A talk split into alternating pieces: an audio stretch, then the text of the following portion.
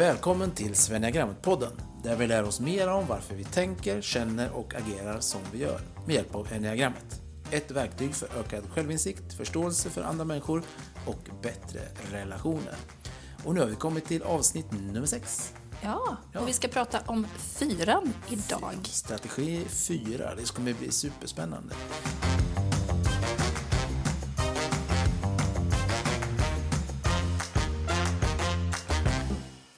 Ja, men det här smeknamnet individualisten, det kommer ifrån att fyran fokuserar sin identitet kring de sätt som de är annorlunda från andra. De ser sig som annorlunda och ja, vill på ett sätt också vara det. En liten ambivalent känsla där. De både vill höra till och ställer sig lite utanför.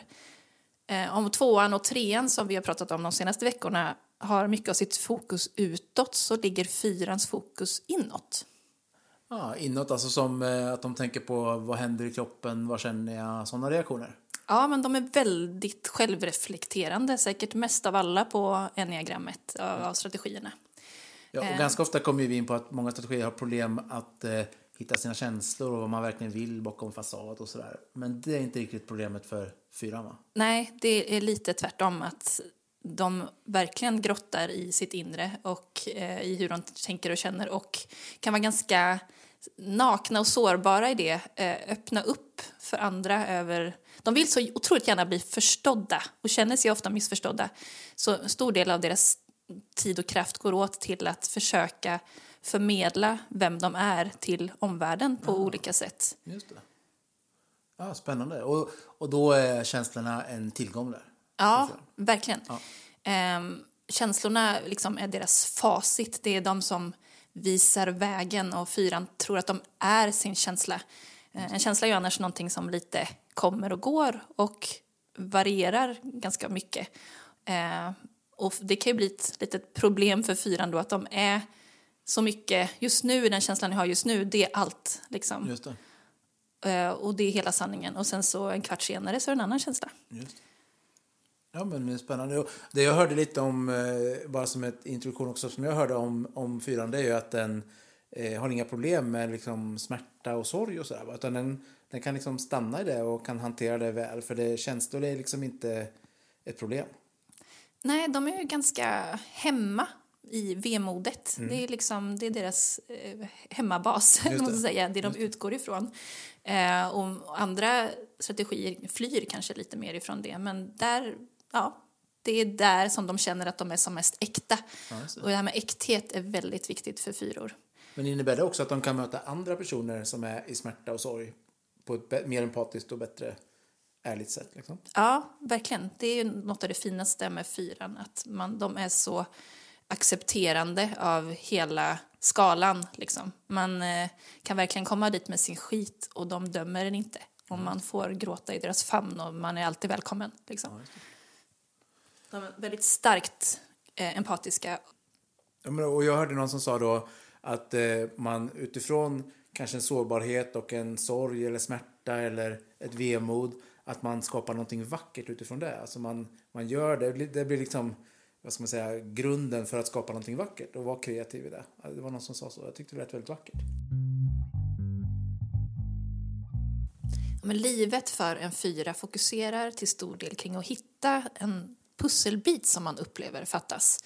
Ehm, så det, det kan i sin sämsta form leda till att fyran kan bli ganska så självabsorberad och älta smärta mycket och övertolka andras beteenden till sin nackdel. Och vi kommer gå in lite mer i, på djupet kring det här eh, lite längre fram i programmet. Ehm, men det är liksom, man kan väl säga som i grunden beror deras beteende på att de har en självbild över att det är någonting som är ohjälpligt fel med dem. Och att de är avskurna från något som alla andra tycks ha tillgång till. Och som är ett villkor för att känna lycka och tillhörighet. Som de liksom känner att de, de är på något sätt bakom en glasvägg och står och bankar på något sätt. Och de ser hur andra har det härligt och bra men de har inte tillgång till det. Och det är en väldigt stor smärta i det. Um, och så för att hantera den här ändå, det här är liksom bara en glasvägg, det är inte sanningen. Eh, men de upplever det som att det är så. Eh, och för att hantera den här falskt uppfattade glasväggen som skiljer dem från resten av världen eh, så förstärker de det som är unikt med dem i hopp om att de i alla fall ska bli uppskattade för det. Att de får höra till genom att vara unika. Eh, och som bäst är de emotionellt stabila och trygga och kreativa och empatiska människor som tar väldigt stor hänsyn till andra och som ofta, som vi sa där, skapar någonting vackert och eget av allt de har inuti. Ja, och som på alla eh, strategier så kikar vi lite då på eh, en av de viktigaste sakerna att tänka på kring varje strategi och det är då drivkraften. Vad är drivkraften till strategi nummer fyras beteende? Ja, fyran har någon slags övertygelse eller en inre lögn över att de då som sagt inte riktigt hör till eh, och för att bli älskad så måste de göra sig förstådd och bli sedd som den de vill vara. Eh, de hör ju till den emotionella intelligensen som har rätt så stort fokus kring image och det är viktigt för dem att bli sedd som den de vill vara då. Eh, och de känner att när jag hittar min plats så kommer ingenting längre att fattas mig. Så de vill väldigt gärna ja, hitta sin identitet, bli förstådd, höra till eh, och gå på djupet och vara äkta och unik är väldigt viktigt för fyran. Ehm, och sen pratar vi ibland också om en grundrädsla. Ehm, och vad är grundrädslan då för strategi 4? De är väldigt rädda för att vara obetydliga eh, och, och missförstås eh, och inte få vara med. Ja. Och att vara på ett lite annat plan, att, att vara uppfattas som ointressant och att inte ha något eget att komma med. De vill väldigt gärna leva ett meningsfullt liv och inte tappa kontakten med sitt sanna jag. Eh, och du brukar ibland ge lite så här eh, exempel på lite eh, vad ska jag säga, gissningar på kändisar som du tror är olika strategier. Ja. Och vilka är nummer fyra gissar du? Ja, men från den eh, fiktiva världen så tänker jag på Luna Lovegood från Harry Potter. Eller till kanske Ann på Grönkulla. Ja. Har du sett den på Netflix, den här eh, relativt nya serien? Nej, jag har inte det faktiskt. Nej, den har är... du det? Ja, jag, jag plöjde den för några vintrar sedan och den var ju... Jag tänkte hela tiden när jag kollade på, åh vilken fyra! Ja. Och mycket, som hon, hon är så bra på att se det vackra ja, hela just tiden. Det, precis, det är mycket så ja. Ja, och det, det tycker jag är något som är väldigt fint med fyran, att Ja. de verkligen så hjälper oss att se skönheten i tillvaron hela Ja, tiden. men det är bra tips för er där ute som vill förkovra er i en fyra. Kolla på Grönkulla. Ja, Ja. den är väldigt mysig.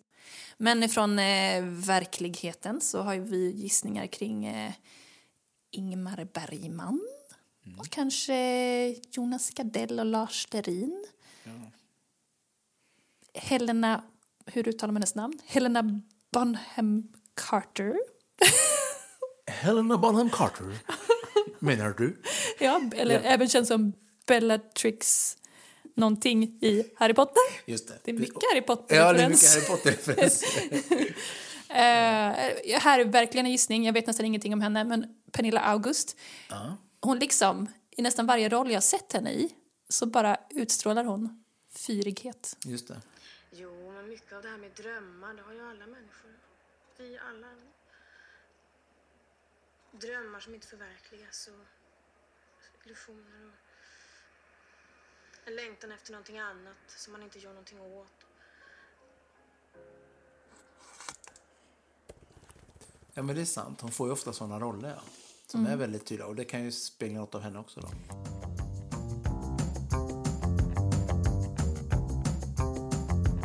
Eh, Ska vi kika på några teman då för strategi 4? Ja, alltså, jag gick på ett estetgymnasium. Jag läste media, men vi hade väldigt mycket esteter omkring oss. Och där fanns det många fyror. Ja, just det. om man säger så. Eh, som utforskade sin identitet på olika sätt. Ja. Eh, och fyror kan vara ganska lätta att känna igen av just det här skälet. De vill gärna sticka ut ur mängden. Och ja, de liksom dras till det mystiska och svåra och unika och vill gärna uppfattas så också. Kan eh, bli lite mer så excentriska när det inte är helt i balans. Fyran kan liksom undvika det vardagliga lite. Varför vill man vara som alla andra? Så, de tappar sin energi när de känner att de gör som alla andra och behöver liksom göra ett statement. Ja, men spä- det låter väldigt spännande att vara strategi 4. och- Alltså lite jobbigt också då, men också att ha fyra omkring sig. Att det händer grejer och det blir inte tråkigt så att säga. Ja, det kan ju vara lite så drama queens. Ja, just det. Precis. Det, eh, det På gott kan ont. ja, jag har väldigt många fyror omkring mig och jag, jag älskar ju det. Älskar dem, verkligen. Det, jag har många av mina närmaste vänner är fyror. Eh, och de är inte så mycket drama queens. Men eh, jag, jag kan ändå sen se tendensen av att man, man får liksom, jag som tvåa också som har lätt för att anpassa mig. Mm. Jag hänger ju ofta med i deras känslosvängar liksom, och dras med i det där. Och det är tur att jag har så sunda fyror omkring mig. Annars det- blir det lite jobbigt tror jag. Precis. Men när vi är inne på det här med att de undviker det vardagliga så kan man ju också eh, lite förstå den här anklagelsen som ibland kommer mot fyror, att de kan vara lite elitistiska. Ehm, och de kan på samma sätt som ettor vara lite perfektionistiska men istället för att vara det moraliskt som ettor så är de det mer estetiskt. Frankrike sägs vara ett, liksom, ett fyraland. Ja, nu kommer de här länderna. Nu kommer Vad länderna. ja, underbart. Ja, men fyra, eller Frankrike... Jag ville du säga något? Nej, jag bara säga, för er som inte har lyssnat innan så håller nu alltså Sandra en liten, en liten monolog om varför ett visst land passar bättre ihop med en viss strategi. Eh, Eller symboliserar den på något sätt. Eh, Jag tycker det är jätteroligt. Det är du och och jag då- som uppskattar det. Ja, det kanske är det. Ni får höra av er ifall ni... kritiken här. Oj, vad ni snuttifierar enneagrammet här. Ja, men precis. Eller Skicka mejl till oss så tar vi hand om det Ja, efterhand. Men Frankrike symboliserar strategi 4. Ja, på grund av att de är liksom kända för att ha en god smak. Tänk dig en fransos på ett café som sitter och dricker svart kaffe och röker en, inte cigarett kanske, utan en cigarr, cigarill. Ja. Åh, vilken drömbild. Ja. Och diskuterar konst och filosofi och är lite svåra och speciella sådär. Och gärna en liten basker på Basker, huvudet. svart sån polo, Ja. Mm. en liten kavaj kanske ovanför den svarta polon. Eh, ja, jag ser det verkligen framför mig. Det är som drömbild. Men jag förstår precis vad du menar då. Ja. Eh, med fyran och Frankrike. Ja, jag hörde någon säga att, det här är bara verkligen en parentes, men att tvåor, fyror och nior är de som är snabbast på att förlåta.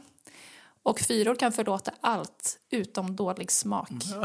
Exakt, där går gränsen. Där går gränsen. Just det.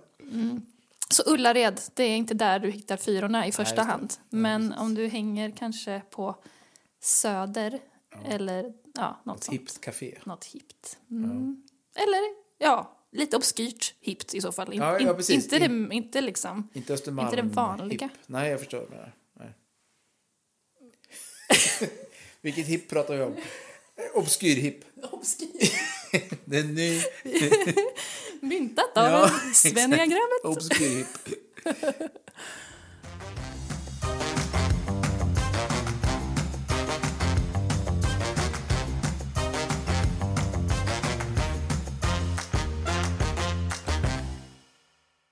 Fyran vill väldigt gärna ha ett unikt bidrag och kan vara bra på att ge ett annat perspektiv på nästan allt för att ha något eget att komma med. Eh, och på möten kan de vara lite av så djävulens advokat och lyfta fram perspektiv på detaljer som kanske ingen annan har tänkt på. Och det kan ju vara både bra och dåligt. Ett mognadstecken för fyran är när de inte har ett tvångsmässigt behov av att vara annorlunda utan faktiskt kan göra som alla andra och inte känner att deras identitet är hotad genom det. Eh, Ja, sen var, hade vi lite mer att säga om det här med att, vara, att känna sig lite på sidan av. Att vara, inte riktigt, att vara missförstådd helt enkelt. Ehm, Det som är liksom fyrans självbild är ju då att liksom, jag är annorlunda och ingen förstår mig. De har en självbild av att det är något som saknas, att de är fel, att de är brustna. Ehm, men den här brustenheten är också något som gör dem unika och ibland kan det bli liksom i sig bli lite elitistiskt eller lite föraktfullt att de ser sig som bättre än andra. Så de pendlar lite mellan det och självförakt. Det är en ganska jobbig jojo, tänker jag. Ja, verkligen. Och just det här att man vill vara med, men man vill också vara annorlunda. Eh, Man känner att man inte är förstådd men man vill också säga saker som man inte riktigt helt blir förstådd med kanske. Ja. Eh, längtar efter kontakt men upplever att ingen förstår. Och så. Det, det är en jobbig paradox att leva i. Ja, verkligen. Jag, jag tror faktiskt att fyror är någon av de strategierna som lider mest och som verkligen kämpar med sin identitet och, och tillvaron på olika sätt. Så det får vi eh, ha i åtanke och vara barmhärtiga i. Ja. Fyror, som sagt, styrs mycket av sina känslor och för dem är liksom känslorna facit. Och de har en övertro på dem och kan intensifiera dem med sin fantasi och liksom stanna kvar i en känsla och, eller frammana den till och med med hjälp av musik och film och sådär. Eh, och ju mer pressade de är desto mer låter de känslorna styra. Det här kan bli en, liksom, en dragning åt det histrioniska. Det, det var då? det var då som histrioniska. Är det inget begrepp du slänger dig med? Nej, jag måste säga att jag inte använder mig av det ordet till vardags. Det är första Men- gången jag hör det. Ja, tack. Vi vill verka lite svåra här i den här podden. Ja, slänger oss med fina ord. Nej, men alltså histrionisk betyder att ha överdrivet kraftiga reaktioner eh, och ett intensivt och dramatiskt beteende. Vi pratade om så här, att vara lite drama queen och det är väl här det kommer in då. Eh, man har ganska lätt för att överdriva och en viss känslomässig retlighet. Men det här, får ju så, som med allt, får vi liksom komma ihåg att det här är fyran när den inte mår så bra. Så. Och det kan vara mycket ångest och även självskadebeteende i detta. Kolla på väckarklocka då. Vad är det en fyra ska liksom hålla utkik för, för signaler och känslor? Eh, ja, men ettan kan vara uppmärksam på när de börjar känna ett utanförskap och använder sin fantasi och tänker mycket tillbaka på gamla händelser för att förstärka sina känslor. Ofta är det ju ganska mörka känslor då. Eh, de har lätt för att känna sig utanför och ensamma fast de är mitt bland folk och gör sig lätt föreställningar i fantasin om hur, alla, hur bra alla andra har det och att de är utanför. Och det behöver inte alls vara sant, men eh, det, blir en, ja, det kan ju bli en självuppfyllande profetia. För det är inte så lätt att leva nära en fyra som inte mår bra och som liksom läser in saker. Just det. Ehm, och, det, och det här med att de, eh, vad ska man säga, det måste ju också vara svårt att hålla i åtaganden antar jag, eller? Ifall man styrs väldigt mycket av sina känslor. Eller eh, det kanske är min, eh, mitt sätt att se på det som blir tokigt. Men känslan är ju att man, om man styrs mycket av sina känslor så kan man lätt kliva från sak till sak. Ja, men verkligen så. Alltså, likt obalanserade sjuor så kan fyror som inte mår så bra ha en rad av brustna relationer och åtaganden bakom sig för att det inte har känts rätt och då har de hoppat vidare. Liksom. Så det kan vara ganska mycket så, påbörjade relationer eller jobb och utbildningar och sådär. Just det. Ja, men det här tangerar ju deras försvarsmekanism som kallas för introjektion. Och det innebär då att man har en tendens att absorbera och tolka in negativ information om sig själva och har svårt att, att liksom ta in positiv information i sin självbild. Och det är ett sätt för dem att hantera sin smärta för de föredrar att förekomma andras kritik och att känna sig avvisade med att själv först vara den som slår på sig. Det är som ett slags inre självskadebeteende. Ja, det. Det kan bli som ett beroende av smärta nästan. De skapar en negativ självbild och ja, de har en omättlig längtan då.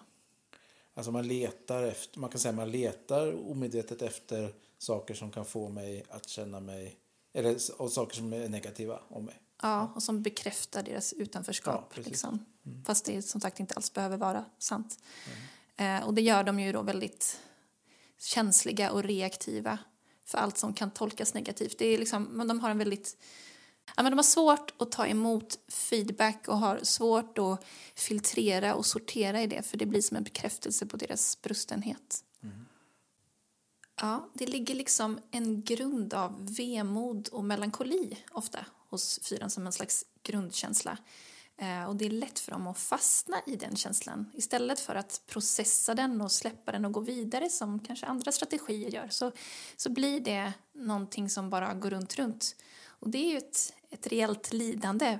Eh, men det kan också gödas av att de känner sig som sagt ganska hemma i vemodet och upplever sig också få energi av tragiken och känner att de kan skapa någonting kreativt av det. Eh, och om det här inte används på ett bra sätt och i kombination med det här utanförskapet som de lätt känner sig så kan det bli också leda till en slags offerkofta.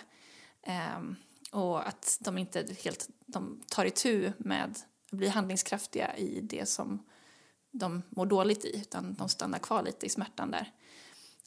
Um, och de är ofta den, liksom, den här arketypiska lidande konstnären, eh, troligtvis en fyra, eh, som lite kan odla sin offermentalitet för att den bästa kreativiteten kommer ur smärtan. Just det. Ja, det, det känner man ju igen, den här lidande konstnären som skapar någonting som är så annorlunda och på ett annat plan än vad tidigare har skapats. Och att den konstnären vill vara kvar där, för det är där den hittar på något sätt sin kreativitet eller sitt annorlunda perspektiv. Ja, precis. Ja, men de, eh, de har liksom ett fokus på det som saknas och som gör ont. Och, eh, det, här, det är som att de upplever att de har tappat, de har liksom ett förlorat paradis som de vill återknyta till. Eh, och de kan anklaga sig själv lite för att de har förlorat det. Mm. Fyrans akilleshäl kan man säga är liksom jämförelse och avund.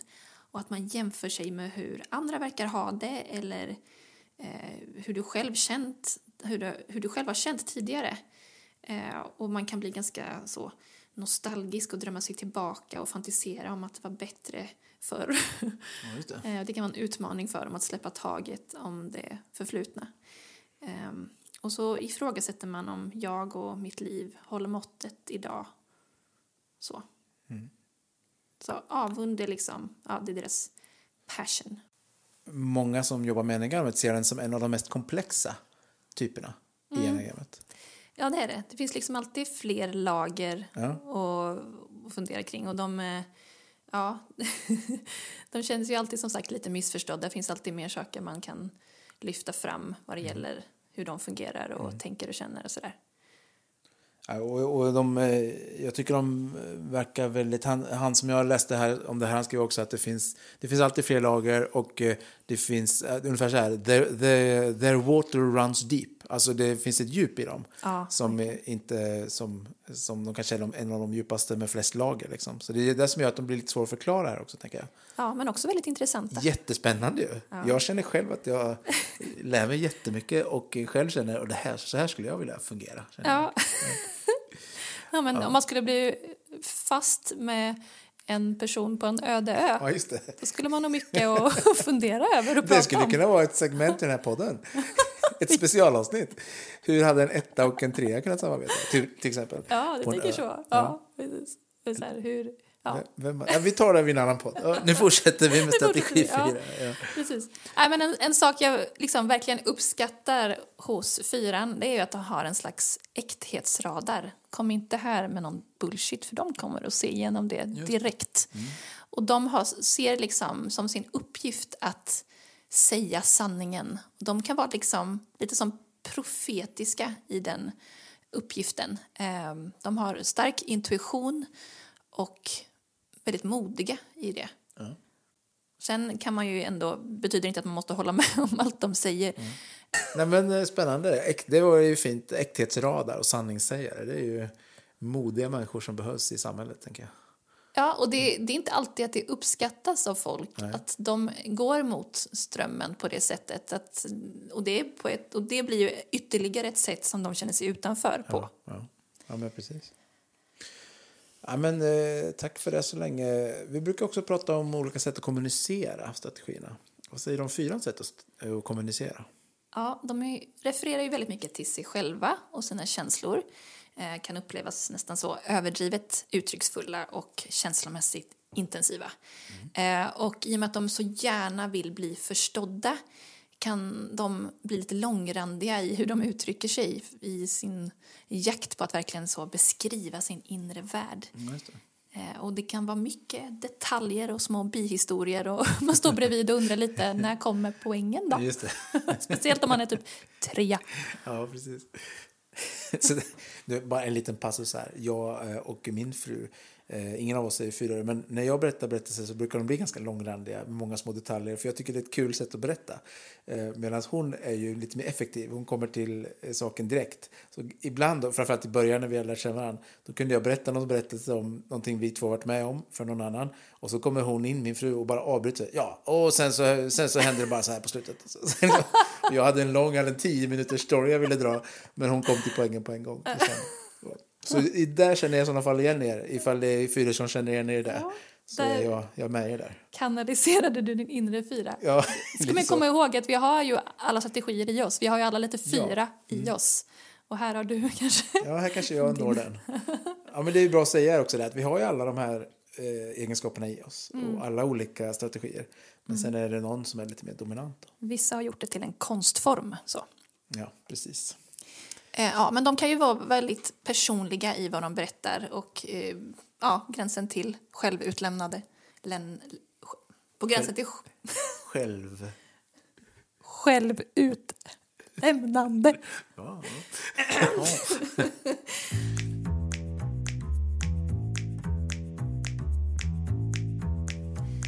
De kan bli väldigt personliga och på gränsen till självutnämnda.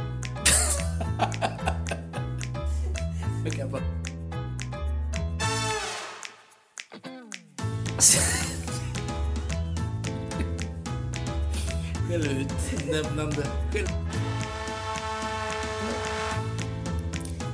De är som sagt väldigt bra på att blicka inåt och har funderat väldigt mycket på sig själva.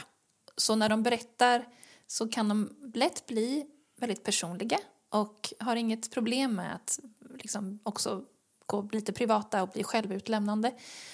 Um, och då är, då är det viktigt också att man liksom fångar upp och möter dem i det. De kan bli väldigt frustrerade om man inte riktigt ger respons. Don't leave them hanging. Ja, just det. Ja, precis. Mm. Um, och sen så eh, pratar vi lite om instinkter. Ja. ja. Och eh, då finns det ju tre instinkter i enigrammet. Vi kallar dem för social, intim och självbevarande. Och här tänkte du gå in lite djupare på de tre för just strategi 4. Ja, precis. På de andra eh, strategierna så har vi bara nämnt motstrategin. Eh, här kommer vi faktiskt gå in på var och en för att de är så olika. Eh, fyran och sexan också har väldigt... Där ser subtyperna så olika ut från varandra så det är värt att nämna. Mm. På tal om komplexa då. Komplexa ja, strategier. Precis. Och det kan nästan vara så att de har mer gemensamt med andra som har samma instinkt än med de som har samma strategi. Jo, men man kallar eh, de här tre varianterna för sad, mad och glad for. Och jag började med The Sad Four, även kallad den sociala fyran. Och det är den som lider och sörjer mer öppet, är lite så känsligare uttryckligen mm. än vad de andra är. Mm. Um, och vi har nämnt lite om djur i de andra strategierna. Och här skulle man kunna tänka till exempel en bassethund som en slags symbol för den här strategin. Mm. Eh, och de, ja, men det är, liksom, det är mycket vemod och ett tyskt ord som jag tänker på är Sehnsucht. Ja, det är ett fint ord, tycker ja. jag. Man saknar någonting, ja. men det är lite oklart vad. Sensucht, det är liksom en längtan efter någonting som är lite onåbart. Man hittar inte riktigt. Ja. Och nu har vi kommit till den intima fyran The Mad Four. Och, och, när man kombinerar den här instinkten uh, med avunden som finns hos fyran då blir det liksom en angry envy. Ah, just det.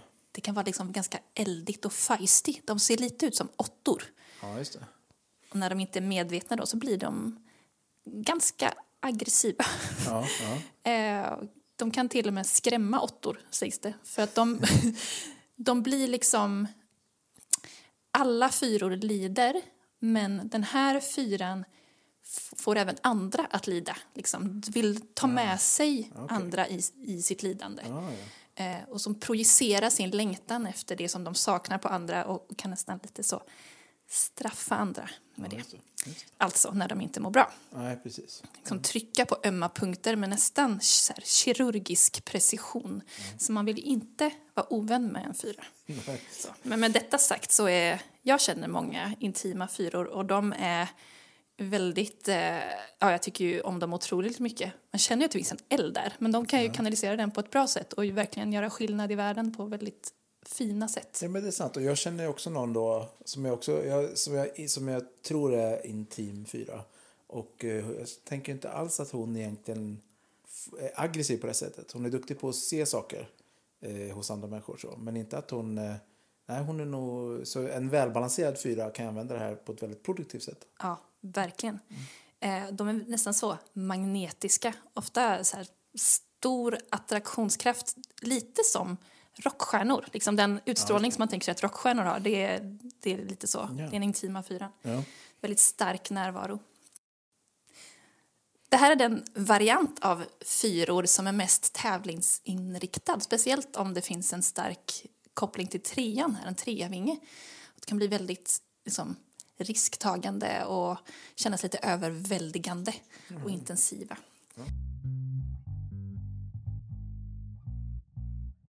Eh, ja, men då har du gått igenom eh, den intima eh, och Ja. den sociala. Och sen har vi en instinkt till ju, den Ja, men då kommer vi till the Sunny Four, eh, the Glad Four, som är den självbevarande och också då motstrategi. Och den är ju nästan som en egen typ, den är så annorlunda jämfört med de andra.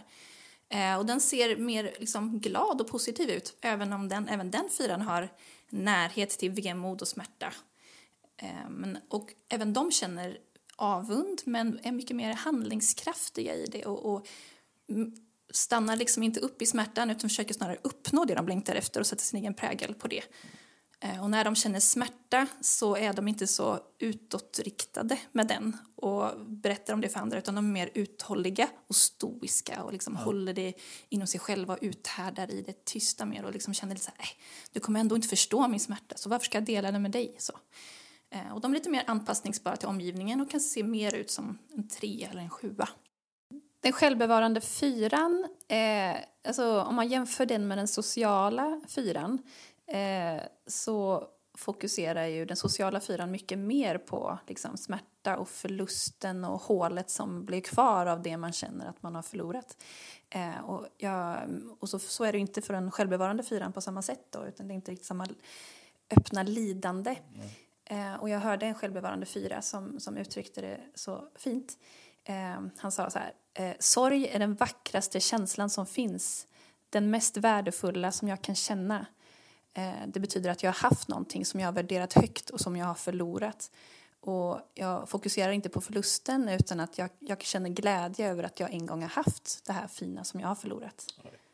Det tyckte jag var Det så. är ett väldigt vackert sätt att säga det. Ja, det var liksom starkt och en intressant kontrast då till både den, den sociala, mer liksom ledsna fyran Ja, ja. och den mer arga, eh, eldiga, intima fyran.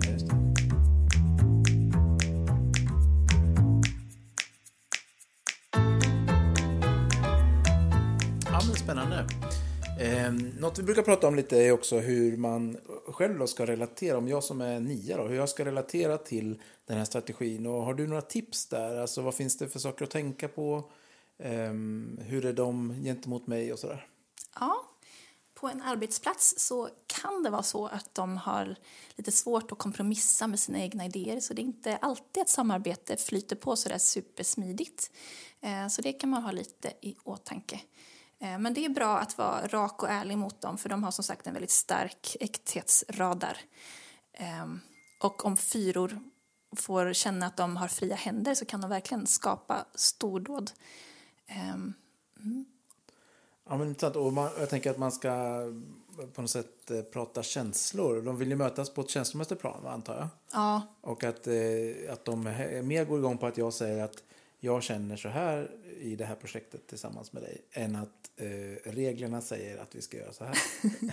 ja precis. det är lite, jag förstår det är lite ytligt eh, frågat. Men är det ungefär så man ska tänka? eller? Ja, men det är precis. Det är viktigt att möta dem på ett känslomässigt plan och, och vara gärna personlig tillbaka med dem. Och visa dig sårbar om du känner att det går i linje med vad du är villig att göra. Ehm, och undvika att, in, att vara alltför rationell. Liksom. Mm, precis. Men man kan behöva hjälpa dem att fokusera på här och nu, och, för de har ju lätt för att fokusera på dåtiden. Eh, så att vara närvarande och lyfta det ljusa, det positiva. Men utan att för den skull liksom förringa deras upplevelse av att det är något som saknas. För det är ju också reellt så för dem.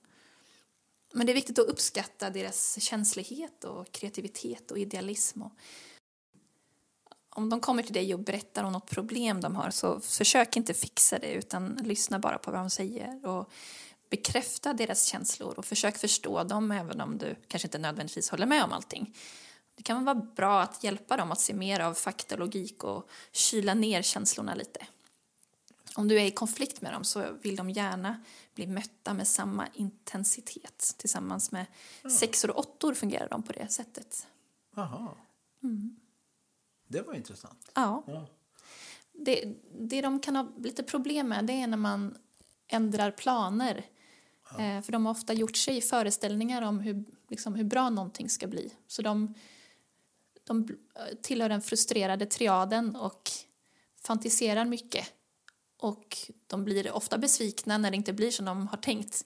Men de blir också besvikna om man då ställer in planer som de har fantiserat om. Ja, de har en tanke om hur det ska bli och målat upp det inom sig. Ja. Och då ifall det ändras eller tas bort så blir det en besvikelse. Ja, precis. Mm. Uh, ja, men vad spännande, vilka bra tips. Um, jag tänker vi skulle kunna kika lite på det här med pilar. Vi pratade lite kvickt om det förra avsnittet också. Uh, och vi gör ju det på varje strategi. Uh, och vad säger du om pilarna här för strategi 4? Mm. När fyran inte är helt så medveten så är det lätt att ta till sig av stresspilen hos tvåan eh, och börjar så oroa sig mer för vad andra ska tycka om dem och anpassa sig och bli lite mer inställsam och lite klängig i relationer. Mm. Men de kan också låna det positiva från tvåan och då blir de bättre på att gå utanför sig själva och sin känsla och fokusera mer på den andra personen. Eh, och bättre på att stötta och mindre jämförande. Det handlar mer om vår relation, liksom, den de har och hur vi kan stötta varandra. Och de blir mer lyhörd för andras smärta, inte bara sin egen. Mm. Um, de har också en pil till uh, ettan dit de kan gå både omedvetet och medvetet och låna det, både det positiva och det negativa. Ehm, och det som är i första hand positivt då, det som är deras första utvecklingsväg, Ja, men det är att ta till sig av ettans positiva sidor och då bli bättre på att utveckla en eh, rutin och struktur som, som hjälper att eh, gå från dröm till verklighet. Eh, och de kan bli bättre på att ja, bli mer handlingskraftiga och, och bryta liksom, den här eh, känslosnurren som pågår inuti. Och kan också ifrågasätta sina tolkningar av känslan och blir medvetet välja vad deras nästa steg ska bli. Men eh, det kan ju också låna det negativa från ettan. Och det sker oftast i de närmaste relationerna. Och då blir man mer kritisk och kontrollerande och petig och perfektionistisk och kan ha svårt att avsluta saker för att man håller på att fixa med detaljer så in absurdum. Eh, man kan också bete sig som att det är bara jag som har rätt och ja, även bli ganska hård mot sig själv på ett självdestruktivt sätt blir ännu mer frustrerad över allt som inte är så idealt som man hade önskat att det var.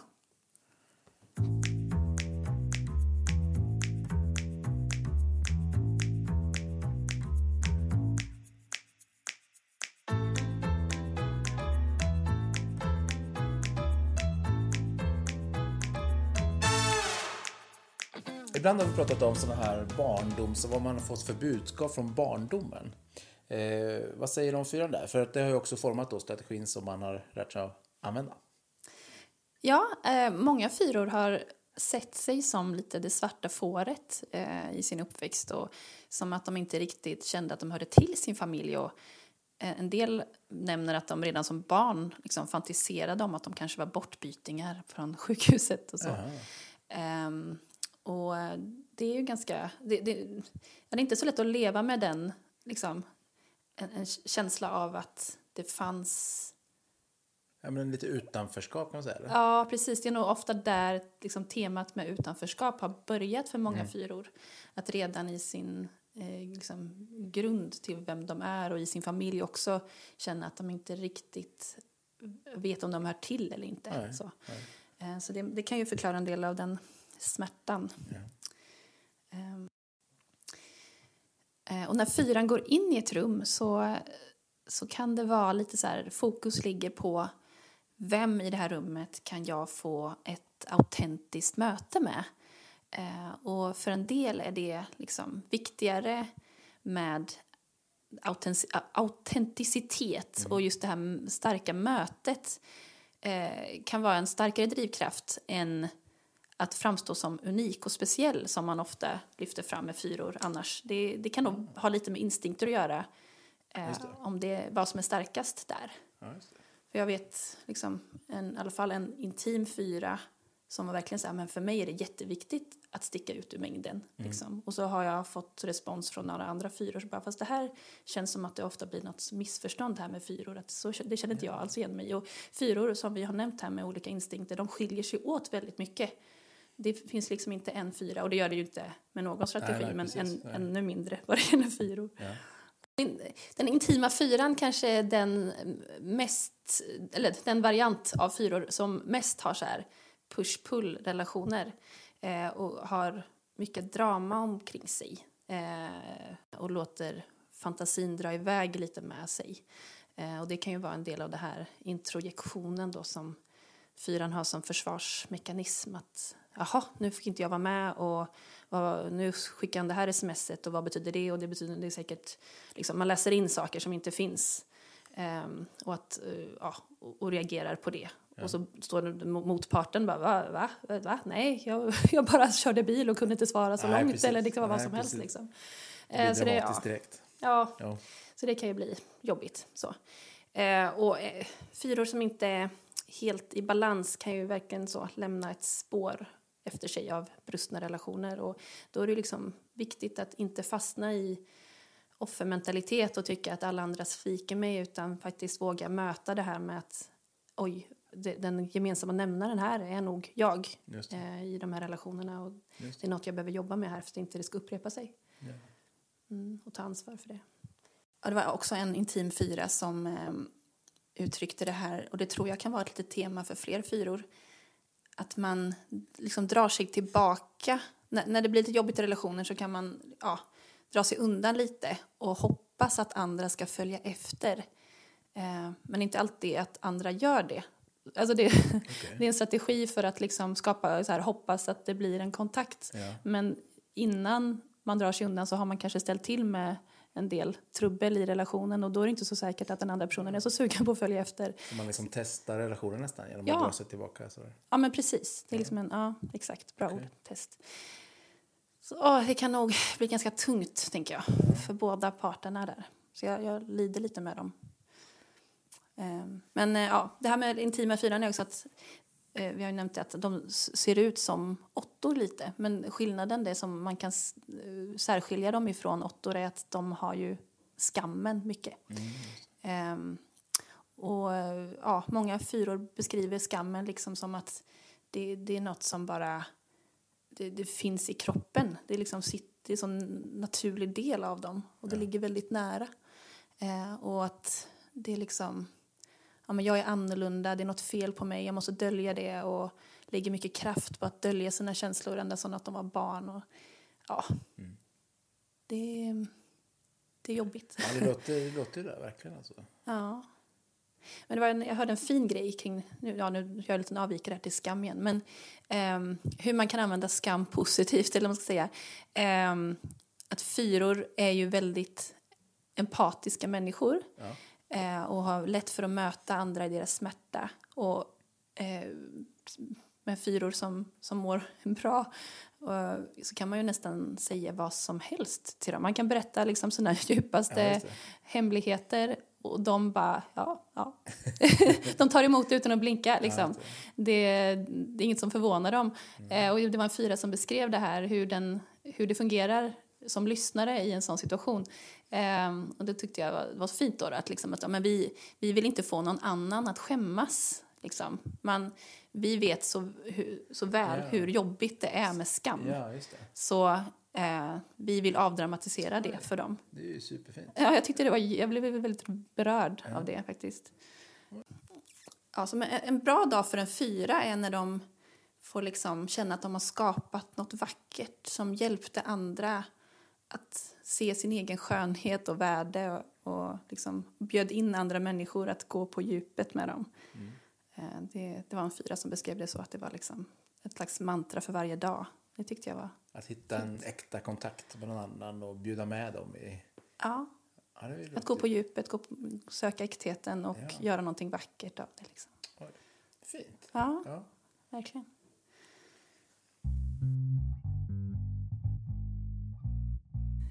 Jag pratade med en fyra som kände att, att de ofta blir missförstådda som att de inte är pålitliga och att de kan vara så introverta och handlingsförlamade. Liksom. Och hon var ju så här... "Ah, alla fyror är inte Torsten Flink, liksom. och alla är inte konstnärer. Eh, Jag tror, och, ja, och hon sa också, eller om det var någon annan i samma samtal som också var fyra, som beskrev det här med det som kan se ut som opolitlighet för att de följer sin känsla så mycket. Ehm, hennes resonemang kring det var att vi vill så gärna att det ska bli rätt och äkta så att vi tillåter oss att vara liksom veliga och öppna med vår process Ja. för att det är vägen, alltså så här snurret är vägen till äkthet. Och då får det vara liksom ett offer, eller liksom ett pris vi får betala. Att verka då lite eh, snurrig eller eh, nickfull. Ja, precis. Att det blir så här, man följer sin känsla så mycket. Eh, men jag tror att när, när fyror verkligen har landat i vad som är rätt för dem, då, då, är, de, eh, då är de väldigt så här, så fast vid det. Liksom. Ja, men precis. Och det där är ju superspännande för jag tänker just med att eh, vara öppen med sina känslor och så. Det är många strategier som har det som sin absolut värsta. Liksom. Att man inte vill visa vad man känner. Att man inte vill bjuda med folk i sitt känsloliv. Och det får mig osökt att tänka på eh, det här djuret. Alltså man ska... Åh, spännande, nu kommer djuret! Och vi skulle ha en specialjingel för Vi måste djur. skaffa ja, vi måste skaffa mer jinglar. Säsong två, mer jinglar. Det är synd att vi redan har använt upp alla Ja, eh, djur. Men eh, jo, du kan aldrig ana vad det är för djur som fyran har. Den är ganska otippad. Ja, berätta. Ja. Ostron. Förlåt alla fyra att vi skrattar. you didn't see that Det är coming. klart det är, klart det är ett ostron. Ett ostron. Ja, men att du, nere i djupet, i havets djup, Ja, ja. så ligger det ett ostron som har fått in ett litet skav, ett litet just sandkorn. det. Och sen han har jobbat sig runt det här och vackra, liksom, vaskat fram en vacker pärla av skavet. Det är typ perfekt. Det är så genialiskt. Det är väldigt snyggt faktiskt. Väldigt snyggt. Ostron, de, de har de här pärlorna i sig som har ja, värkts fram. Ja, bokstavligen. Ja. Det finns ganska många motsägelsefulla saker med fyror. Eh, och de är ju ofta liksom ett mysterium för både andra och inte minst sig själva. Eh, och ett av de här motsägelserna är det här med avund. Att de längtar efter någonting men de kan inte riktigt sätta ord på vad det är de saknar. Eh, och ofta så handlar avunden liksom mer om att känna, liksom, känna att andra har en normalitet eller en enkelhet och lätthet i livet eller när de uppfattar att det är så som de själva saknar. Eh, och det kan liksom slå över till självömkan och att man lite ser ner på andra och, och tänker sig ja men det är bara för att de inte har lidit på samma sätt som jag har gjort. Eh, och, och det i sig kan liksom lida till att man blir lite eh, beroende av sin egen smärta. För vem är jag utan den? Då är jag bara vanlig. Så här, det, man, vill, man vill inte känna det här tomrummet. Men man känner också att det är det som gör en speciell. Så. Ja, det. Ehm, och att det var någon fyra som beskrev det som att det är först med hjälp av enneagrammet som hon har förstått att det är inte bara jag som lider. Nej, nej. Andra har det också tufft, eh, men de uttrycker det inte på samma sätt som jag gör. Och att det hade varit en, liksom, en ödmjukande resa för hennes del att få den inblicken i andras känsloliv. Ja. Eh, och att, ja, att liksom, Att enigrammet ger förståelse för att andra också har samma känsla. Fast kanske med ett annat perspektiv eller ja, utgångspunkt. precis. Och hon kände sig så ensam och speciell i sin smärta och som bara, jaha, ja, du kämpar med det här. Ja, det. Liksom. Ja. Men både skam och avund är teman som återkommer och de hänger lite ihop med varandra. De känner, som känner skam över att de känner avund. Eh, så jag vill ju unna andra. Och det är inte det att de inte unnar andra. Alltså jag känner många fyror som verkligen, verkligen gläds med mig när det går bra. Eh, men det är väl mer det här när man inte är helt i balans. Att det är lättare att möta andra i deras smärta än i deras glädje. Eh, för när det går bra för andra så känner man lite avund över att så här, åh, de har något som inte jag kan få. Liksom. Just det, just Och det leder till melankoli. Eh, Men så hörde jag en självbevarande fyra som sa att så här, "Ja, jag har lite svårt att relatera till det här med avund. Men det hade, hon hade sett det sen som att min avund tar sig uttryck mer i stress. Eh, För när jag, till exempel när jag hör att någon, någon jobbar med någonting som jag också skulle vilja göra och då känner hon stress. Och det tyckte jag var intressant att det var just den självbevarande fyran som sa det. För det. fy, eh, den självbevarande fyran söker sig ju mer till, till handling än vad de andra gör. Ja. Eh, och, och istället för att fastna i fantasier så gör de saker och d- då blir det ju en så här, avunden blir ju en stress Ja, som, en- naturlig Man- följd. Man tänker, hur kan jag komma dit och vad behöver jag göra för att komma dit? Och, Ja, det blir ju en, en action i det. ja. Ja, men Man vill gärna känna sig inkluderad och det är inte alltid så att man vill vara med men man vill i alla fall ha varit tänkt på och ha haft en chans att bli inkluderad och en chans att kunna säga nej. Ehm, och att eh, det är liksom, jag, jag behöver känna att andra visar att de vill ha mig. Eh, är det många som har uttryckt. Ja. Liksom. Och, och, ja. och hellre, ja, som sagt, hellre få möjligheten att tacka nej än att inte få frågan alls. ja, att inte få frågan alls måste ju också bidra till det här liksom, känslan av utanförskap. Ja, Att man känner att det händer nog någonting där borta. Alltså lite fo, fear of missing out. ja, Lite FOMO-känsla. ja, ja precis. Eh, och det kan ju leda till den här liksom, fantiseringen av hur bra alla andra har det. Mm, Ehm, det. Men fyrans fantasi kan ju verkligen också, om man använder den rätt, vara otroligt värdefull. Alltså, Det är ju verkligen fyrans starkaste asset. Liksom. Det. Mm. Eh, och det var en fyra som sa alltså, jag har alltid kunnat lita på min fantasi och kreativitet. Så här, att hon var inte så här, när hon kom i trångmål så var hon inte så orolig för hon bara, men jag vet att jag kommer hitta på en lösning på saker som, på det som sker mig. Ja, Liksom. det är ju superhäftigt ju. Ja. Fantisera fram eh, en lösning. Ja. Ja. Ehm, ja, men lite tillbaka till det här med utanförskap. Att det, samma kvinna som, som sa det där med fantasi, hon sa också att ja, men jag, jag måste nog lära mig att så här, andra människor har inte så mycket åsikter om mig. Hon, hon tänkte nog mycket att ja, men, folk, folk har starka åsikter om, om mig och ofta är de negativa. Men det jag har förstått med åren är att de alla är ganska likgiltiga för varandra. Hon bryr sig Ja. inte så mycket. Nej, Nej. och man har liksom en bild av att de går runt och tänker saker, men så är det inte. Ja, just det. Och det kan ju bara vara en, en smärta och en liten lättnad. Alltså det du säger nu låter ju lite som, jag tänker så här, som, nu, nu, förlåt mig alla fyra, men som man pratar om barn ibland, att de har en ganska egocentrisk världsbild. Alltså allting måste på något sätt utgå från mig. Och ifall det är eh, några som sitter borta i hörnet och pratar, då pratar de säkert om mig. Alltså den känslan.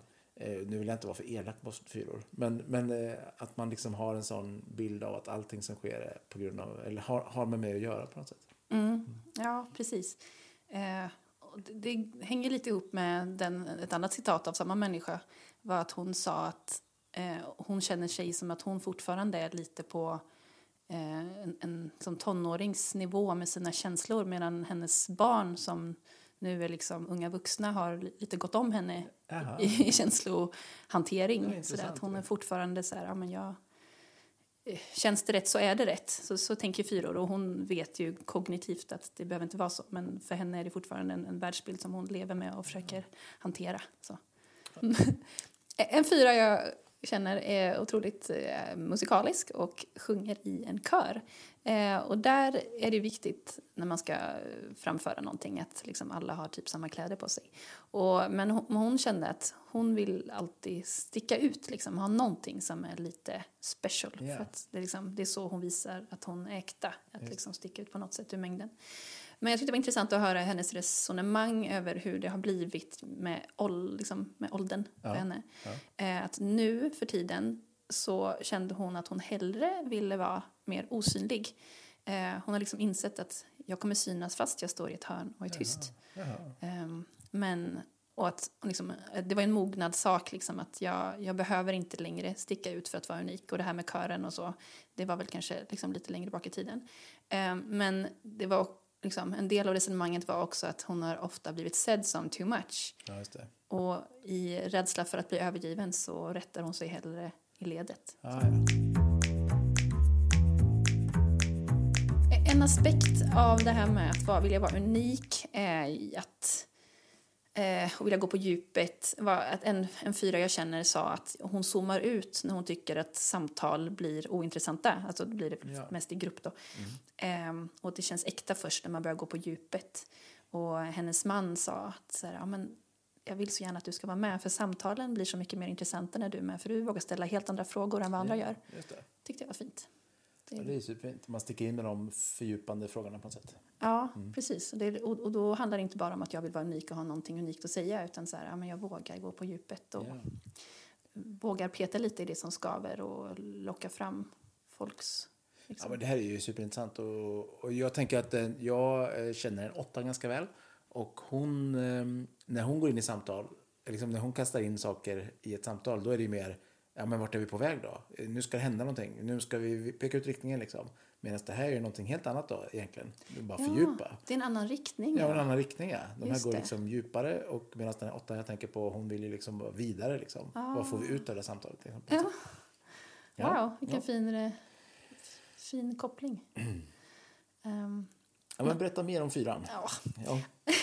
Ja. Jag gillar ju fyra. Jag har väldigt många fyror i mitt liv. Jag uppskattar dem så mycket. Och känner mig, jag, menar, jag har ju en pil till fyran.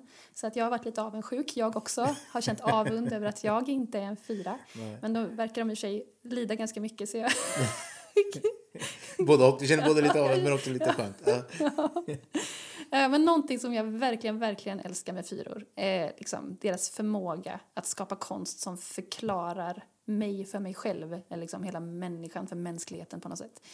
Ehm, och jag tänkte efter lite kring så här, vilka är mina starkaste mm, musikupplevelser eh, i livet. Och inte bara musik utan som konst generellt. Och så tror jag att många av dem har varit fyror ehm, som har varit viktiga för mig. När jag var liten kommer jag ihåg att jag så här, Alanis Morissette var väldigt så här, wow, det här var något som, som när jag var typ tio år, men det slog an någonting som jag inte visste fanns där. Och jag förstod inte knappt alls vad hon, det var ganska svåra texter men ja, det var någonting. Eh, och och, eh, en, int- ja, en gemensam vän till oss, Ellen Wingren, eh, som är en väldigt god fyra. Jag har fått tillåtelse att outa henne här. Ja, ja, kul Ellen. Ja. Ja. Hon har gjort mycket musik som också verkligen, verkligen så här, trycker på rätta punkter Ja. Inom mig. Ehm, Ja, både med konstmusik. Superbra, superbra musik. Ja, helt fantastisk. Ja. Och jag, mitt kontor, lite pinsamt, hennes syster Stina Wingren eh, var på mitt kontor för något år sedan och det kändes som att jag hade typ tapetserat för att hon skulle komma men det, det var på riktigt. jag, Väggarna fyllda med ja, Stina och Ellens konst. ja, det är verkligen så. Ett tips för dem, lite reklam. He- Helt osponsrat. Men Ja, ehm, vad heter deras? Printoteket kan Ja, man gå in på va? Studio V. Studio V, ja. Ja, precis. Mm. Ja, men eh, Ellen har ett band som heter Silver eh, och det fin- finns en låt som har betytt jättemycket för mig eh, som heter Jag drömmer. Jag drömmer om att älska mig själv.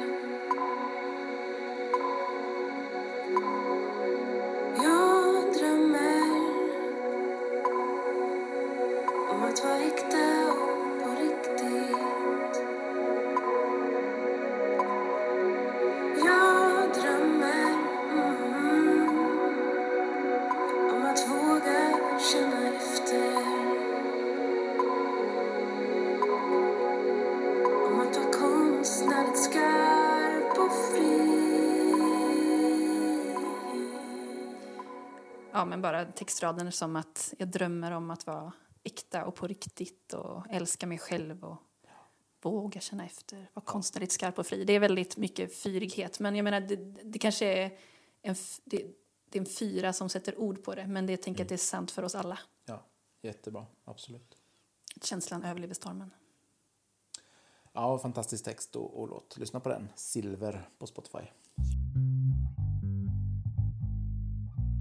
Jag skulle vilja att vi glider in lite på utvecklingsvägar. Det säger du. Eh, Ja. Eh, Vad finns det för saker att tänka på och hur kan man utvecklas om man är fyra?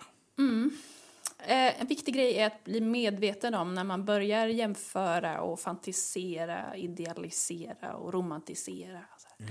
Eh, och att liksom, tänka att den här tendensen att känna sig utanför oftast handlar om den inre upplevelsen och självkänslan och inte om andras avsikt. Eh, och sånt tro, eller ja, vå- våga lita på att andra vill dig väl. Eh, och utmana sin egen känsla av underlägsenhet och så här. Eh, och att acceptera att alla är unika. Ingen är mer brusten eller högre stående än någon annan. Att vi är, vi, vi är på samma nivå, vi kämpar alla på olika sätt. Så. Ja, öva på att se saker mer objektivt och inte låta känslorna ta över och styra allt för mycket och liksom våga utmana dem som att de skulle vara sanningen. Utan så, fokusera mer på det positiva och det man faktiskt har istället för det man saknar. Och verkligen grunda grundas i att det, det unika med dig är den du är, inte ditt lidande eller att du måste sticka ut och så här, våga lita, lita på att jag, jag är viktig och jag är, jag är värdefull mm eh, i, i den jag är. Och det är ju detsamma, det, det gäller ju alla strategier men på lite olika sätt. Vänta inte på att något ska kännas rätt innan du går till handling utan dela upp en uppgift i små steg och ta lite varje dag så att du kommer framåt. Det, det kommer ju hjälpa dig att känna eh, större självkänsla och som tillit till din egen förmåga utöver liksom, att fastna i känslor och att det blir till en skam i sig att, att du inte riktigt kommer vidare och framåt. Um, var medveten om din tendens att överreagera och, och istället känna att du kan möta den ilskan och, och bejaka smärtan som finns under och fråga dig själv vad den vill säga istället för att projicera smärtan på andra. Och som en sista grej, liksom se skönheten i, i det vardagliga, inte bara i det exceptionella. Och det tänker jag det är många fyror också otroligt bra på. Ja, ja det tänker jag. De är i grunden. Ja. Om man inte är helt i balans då kan man som lite se ner på vardagliga göromål och så. Ja. Men många fyror är också experter på att göra, liksom, sätta guldkant på vardagen. Göra något vackert av det som är ganska vardagligt. Ja, precis. Ja, lite övningar som fyran kan tänka på är att, att öva sig i positivt tänkande. Ja, ja. och börja med dig själv. Eh, för då, det är där vi tar... Vår utgångsläge är ju oss själva, att tänka positivt om sig själv. Eh, och eh, sen låta det spridas ut på resten av livet. Eh, och när du känner att du blir överväldigad av känslor fundera på vilken uppgift är det som behöver mitt fokus nu? Så att du Ja. har någonting att gå vidare ifrån. Så inte känslorna tar över om man blir helt eh, handlingsförlamad. Nej, Nej precis. Och, och i och med att fyran är också så empatisk, ta fasta på den empatin och, och vänder så här, när man känner att känslorna kommer och överväldigar. Men hur känner den andra personen i den här situationen? Vad behöver hon eller han? Yes, ja, men spännande att höra. Vi eh, ska vi gå in och prata lite om eh, tecken på mognad för en fyra. Om eh, då fyrans akilleshäl handlar om avund och jämförelse så kan man ju säga att liksom motsatsen till det då, de främsta mognadstecknen är emotionellt jämnmod och balans. Eh, och när man liksom inte låter sig styras av sina känslor på samma sätt utan mer kan se dem lite utifrån, liksom kyla ner dem lite, låta dem komma och passera och inte agera på dem. Och kanske vänta med att fatta beslut tills man är mer stabil och har, men fyran har en väldigt god intuition och analytisk förmåga. Så om man kan använda den, kanalisera den in i känslan och koppla på sitt huvud och inte bara vara ett stort hjärta så, som, som springer och agerar. Just det. Ja, men eh, härligt att höra. Jag, jag märker ju på dig, Sandra, att du gillar fyra mycket. du har sagt det några gånger, men jag märker också på liksom hur du pratar om dem och att du, att du tänker på ett antal personer. Du ser ett antal personer framför dig och tänker att du tycker om dem väldigt mycket. Ja, Ja. vad fint att det lyser igenom. det lyser igenom. Det gäller ju alla strategier, får jag säga då, som en god coach. Ja, ja men det, är ju, det förstår jag ju. Det förstår Sen har jag en särskild känslomässig koppling till, ja, till människor. Det Ja, visst är det så. Nej, men och det är ju vackert med de här fyrorna att de är då att de har den här stora ärligheten. De vill vara äkta eh, och de har stor integritet tänker jag. Eh, och det är ju fantastiskt att se. Ja. Eh, och att de vågar att vara de här som står lite på sidan och i sin mest liksom, eh, vackraste form då få visa oss andra vad vackert och skönt livet kan vara. Liksom. Verkligen. Jag tycker det är så intressant det här med fyran att de är så skarpa. De har en sån längtan efter sanning och de nästan blir som profeter. De har så stark intuition och kan verkligen så här, mm, se igenom det som så bullshit, liksom. det Ja, som inte precis. funkar och sätta ord på det. Och, och i det kan de också känna sig utanför då, att nu är det bara jag som ser det här. Men de, de, är, så, de är så modiga och gör det ändå. Eh, och de, liksom, samtidigt som de verkligen vågar vara sårbara. Ja, men precis. För det tänker jag också är ju. Alltså att, det här, att de visar sin sårbarhet eh, samtidigt som de visar att de har en styrka och en riktning. Liksom. Eh, så den, det, och det här empatiska, att man kan eh, ta del av andras eh, sårbarhet utan problem. Liksom. Ja, verkligen. Man behöver, när man är med fyra behöver man liksom aldrig be om ursäkt för hur man känner. De, de dömer oss inte. Ehm, och så hela den här grejen med ja, med bara hur fantastisk eh, fantasi de har och Ja. hur de skapar nya verk. Alltså jag, jag älskar kreativitet i alla former men fyran exemplifierar ju det så, alltså tar det till helt nya nivåer. Ja, ja. Nej, Och så bra, jag, vet, jag, jag tänker på en fyra nu och när den personen delar grejer på sitt Instagram eh, som inte den har gjort men som den har i sitt flöde liksom, då blir jag helt, eh, ibland blir jag helt mindblown. Wow, det här är ju, att folk kan tänka så här fantastiskt och annorlunda än vad jag tänker. Och visa mig en helt annan, liksom öppna dörren till en helt annan, oj, det är också verkligheten liksom. Ja, Det tycker jag är häftigt. Eh, och det är ju liksom fyrornas ett stort bidrag de har till oss alla. Ja, verkligen. Veckans spaning, veckans spaning. det här är ju roligt. Där. Vi får ganska mycket folk som eh, uppmuntrar oss kring veckans spaning. Det är kul. No pressure, no pressure. Men nu vet jag att du har något på gång här. Ja, men eh, 00.15 satt jag uppe en natt och blev så inspirerad. Ja, härligt. härligt. Jag tänkte på fyrorna i mitt liv och jag tänkte på alla dessa konstnärer. Ja, jag har ju redan nämnt Alanis Morissette och sen ett lite, lite nyare exempel på samma sträng som Alanis Morissette då tryckte på som barn för mig. Ja. Så är det Sara Parkman i, idag Ja. som trycker på de punkterna.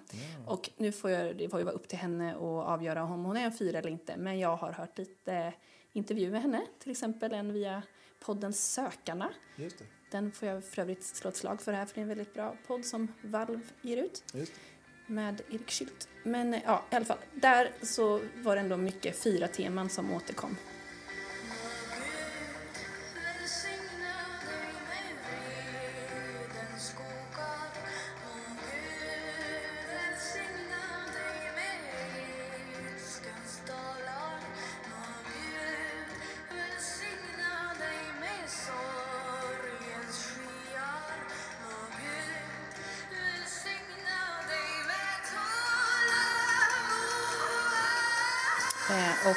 Man bara lyssnar på hennes musik. Ja, jag måste bara, alltså jag blev så golvad första gången jag hörde. Oj, det där var något nytt och unikt. Jag kände mig så lockad. Och det var så här en viss det var så här spänning och en viss rädsla inom mig. För jag bara, oj, det här, det här väcker någonting i mig som jag inte vet om jag vågar släppa fram. Så här. Får jag... Eh, Det är lite som jag nämnde i mitt eget avsnitt där om nagellack och läppstift. Ja, just det. Får jag, får jag det här? Ja, och nu bara, får jag känna de här känslorna? Får jag vara så här arg? Ja, exakt. Och liksom, hon visade nya sidor av vad, vad det var att vara kvinna. nu blir det väldigt personligt här. Ja, ja. Men alltså så här, hon står för så mycket kraft och kropp. Mm. Och så ett så här brett spektrum av känslor och sinnlighet. Och ber inte alls om ursäkt för sig. Och så som bjuder in mig i det till att få vara med och utforska de här sidorna av mig och att känna, känna mig så liksom, accepterad i det. Oj, det här blir jättepersonligt. Ja, det är fint. Jag hoppas Sara tar det som positivt nu. Det tror jag. Det tror jag. Ja, men, ja, men det är som de, en känsla av någon slags avund också. Eh, det är intressant med avund som tema. Men, men jag har lärt mig att när jag känner avund, då är det någon, det finns en pil i det, en riktning som jag ska börja gå i. Eh, så jag vill liksom bara säga tack till Sara, eh, oavsett om du är eh, Fyra eller eller inte, Nej. så har du väckt någonting fyrigt i mig. Ja, vad häftig, Ja. Vilken häftig berättelse. Vad roligt att höra. Superspännande. Ja, Och det är precis det här fyrorna kommer med, tänker jag. Ja. Alltså öppna dörren till någonting som vi andra inte har sett eller känt eller förstått. Mm. Och så bara säger de, kolla, och bara kastar in liksom nytt syre i det här rummet. Och kolla här då. Säger. Ja. Ja. ja precis. Wow. Och bara som ställer sig i konstens tjänst och gör någonting vackert och starkt av all smärta och liksom det som är köttigt och fult och, och så gör de någonting så här äkta av de mänskliga villkoren. Eh, ja, så det har hjälpt mig som två att komma i kontakt både med min fyra och min åtta. Låten Vreden då. Eh, det var en etta jag pratade med som också hade blivit så berörd av den. Eh, och det tyckte jag var så intressant nu ur, ur ett enneagramperspektiv. För ettor har ju mycket vrede inuti men känner inte att det är okej att visa det för att det är liksom inte en bra eller accepterad känsla. Och så kom Sara med den här, så här vredeslåten. Eh, vi kan spela lite av den. Eh, och, och så fick den här ettan känna att ja, min ilska är okej. Och, och fick liksom konstruktiva vägar för hur ilska kan användas för gott och för förändring. liksom. Så. Jag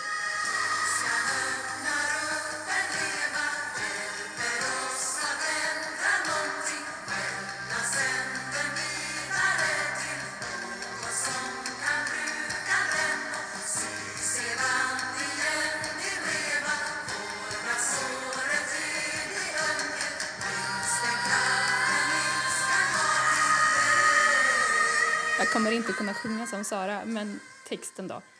För jag tror inte det är säkert att man hör, när man hör låten så hör man kanske inte exakt vad hon sjunger, men jag ska citera här. Ilskan öppnar upp en reva, hjälper oss att ändra någonting, lämnar sen den vidare till någon som kan bruka den och sy sedan igen din reva, vårda såret, ge det ömhet, minns den kraften ilskan gav till dig. Alltså jag kan typ inte läsa det utan bara gråta. Men shit vad starkt det är.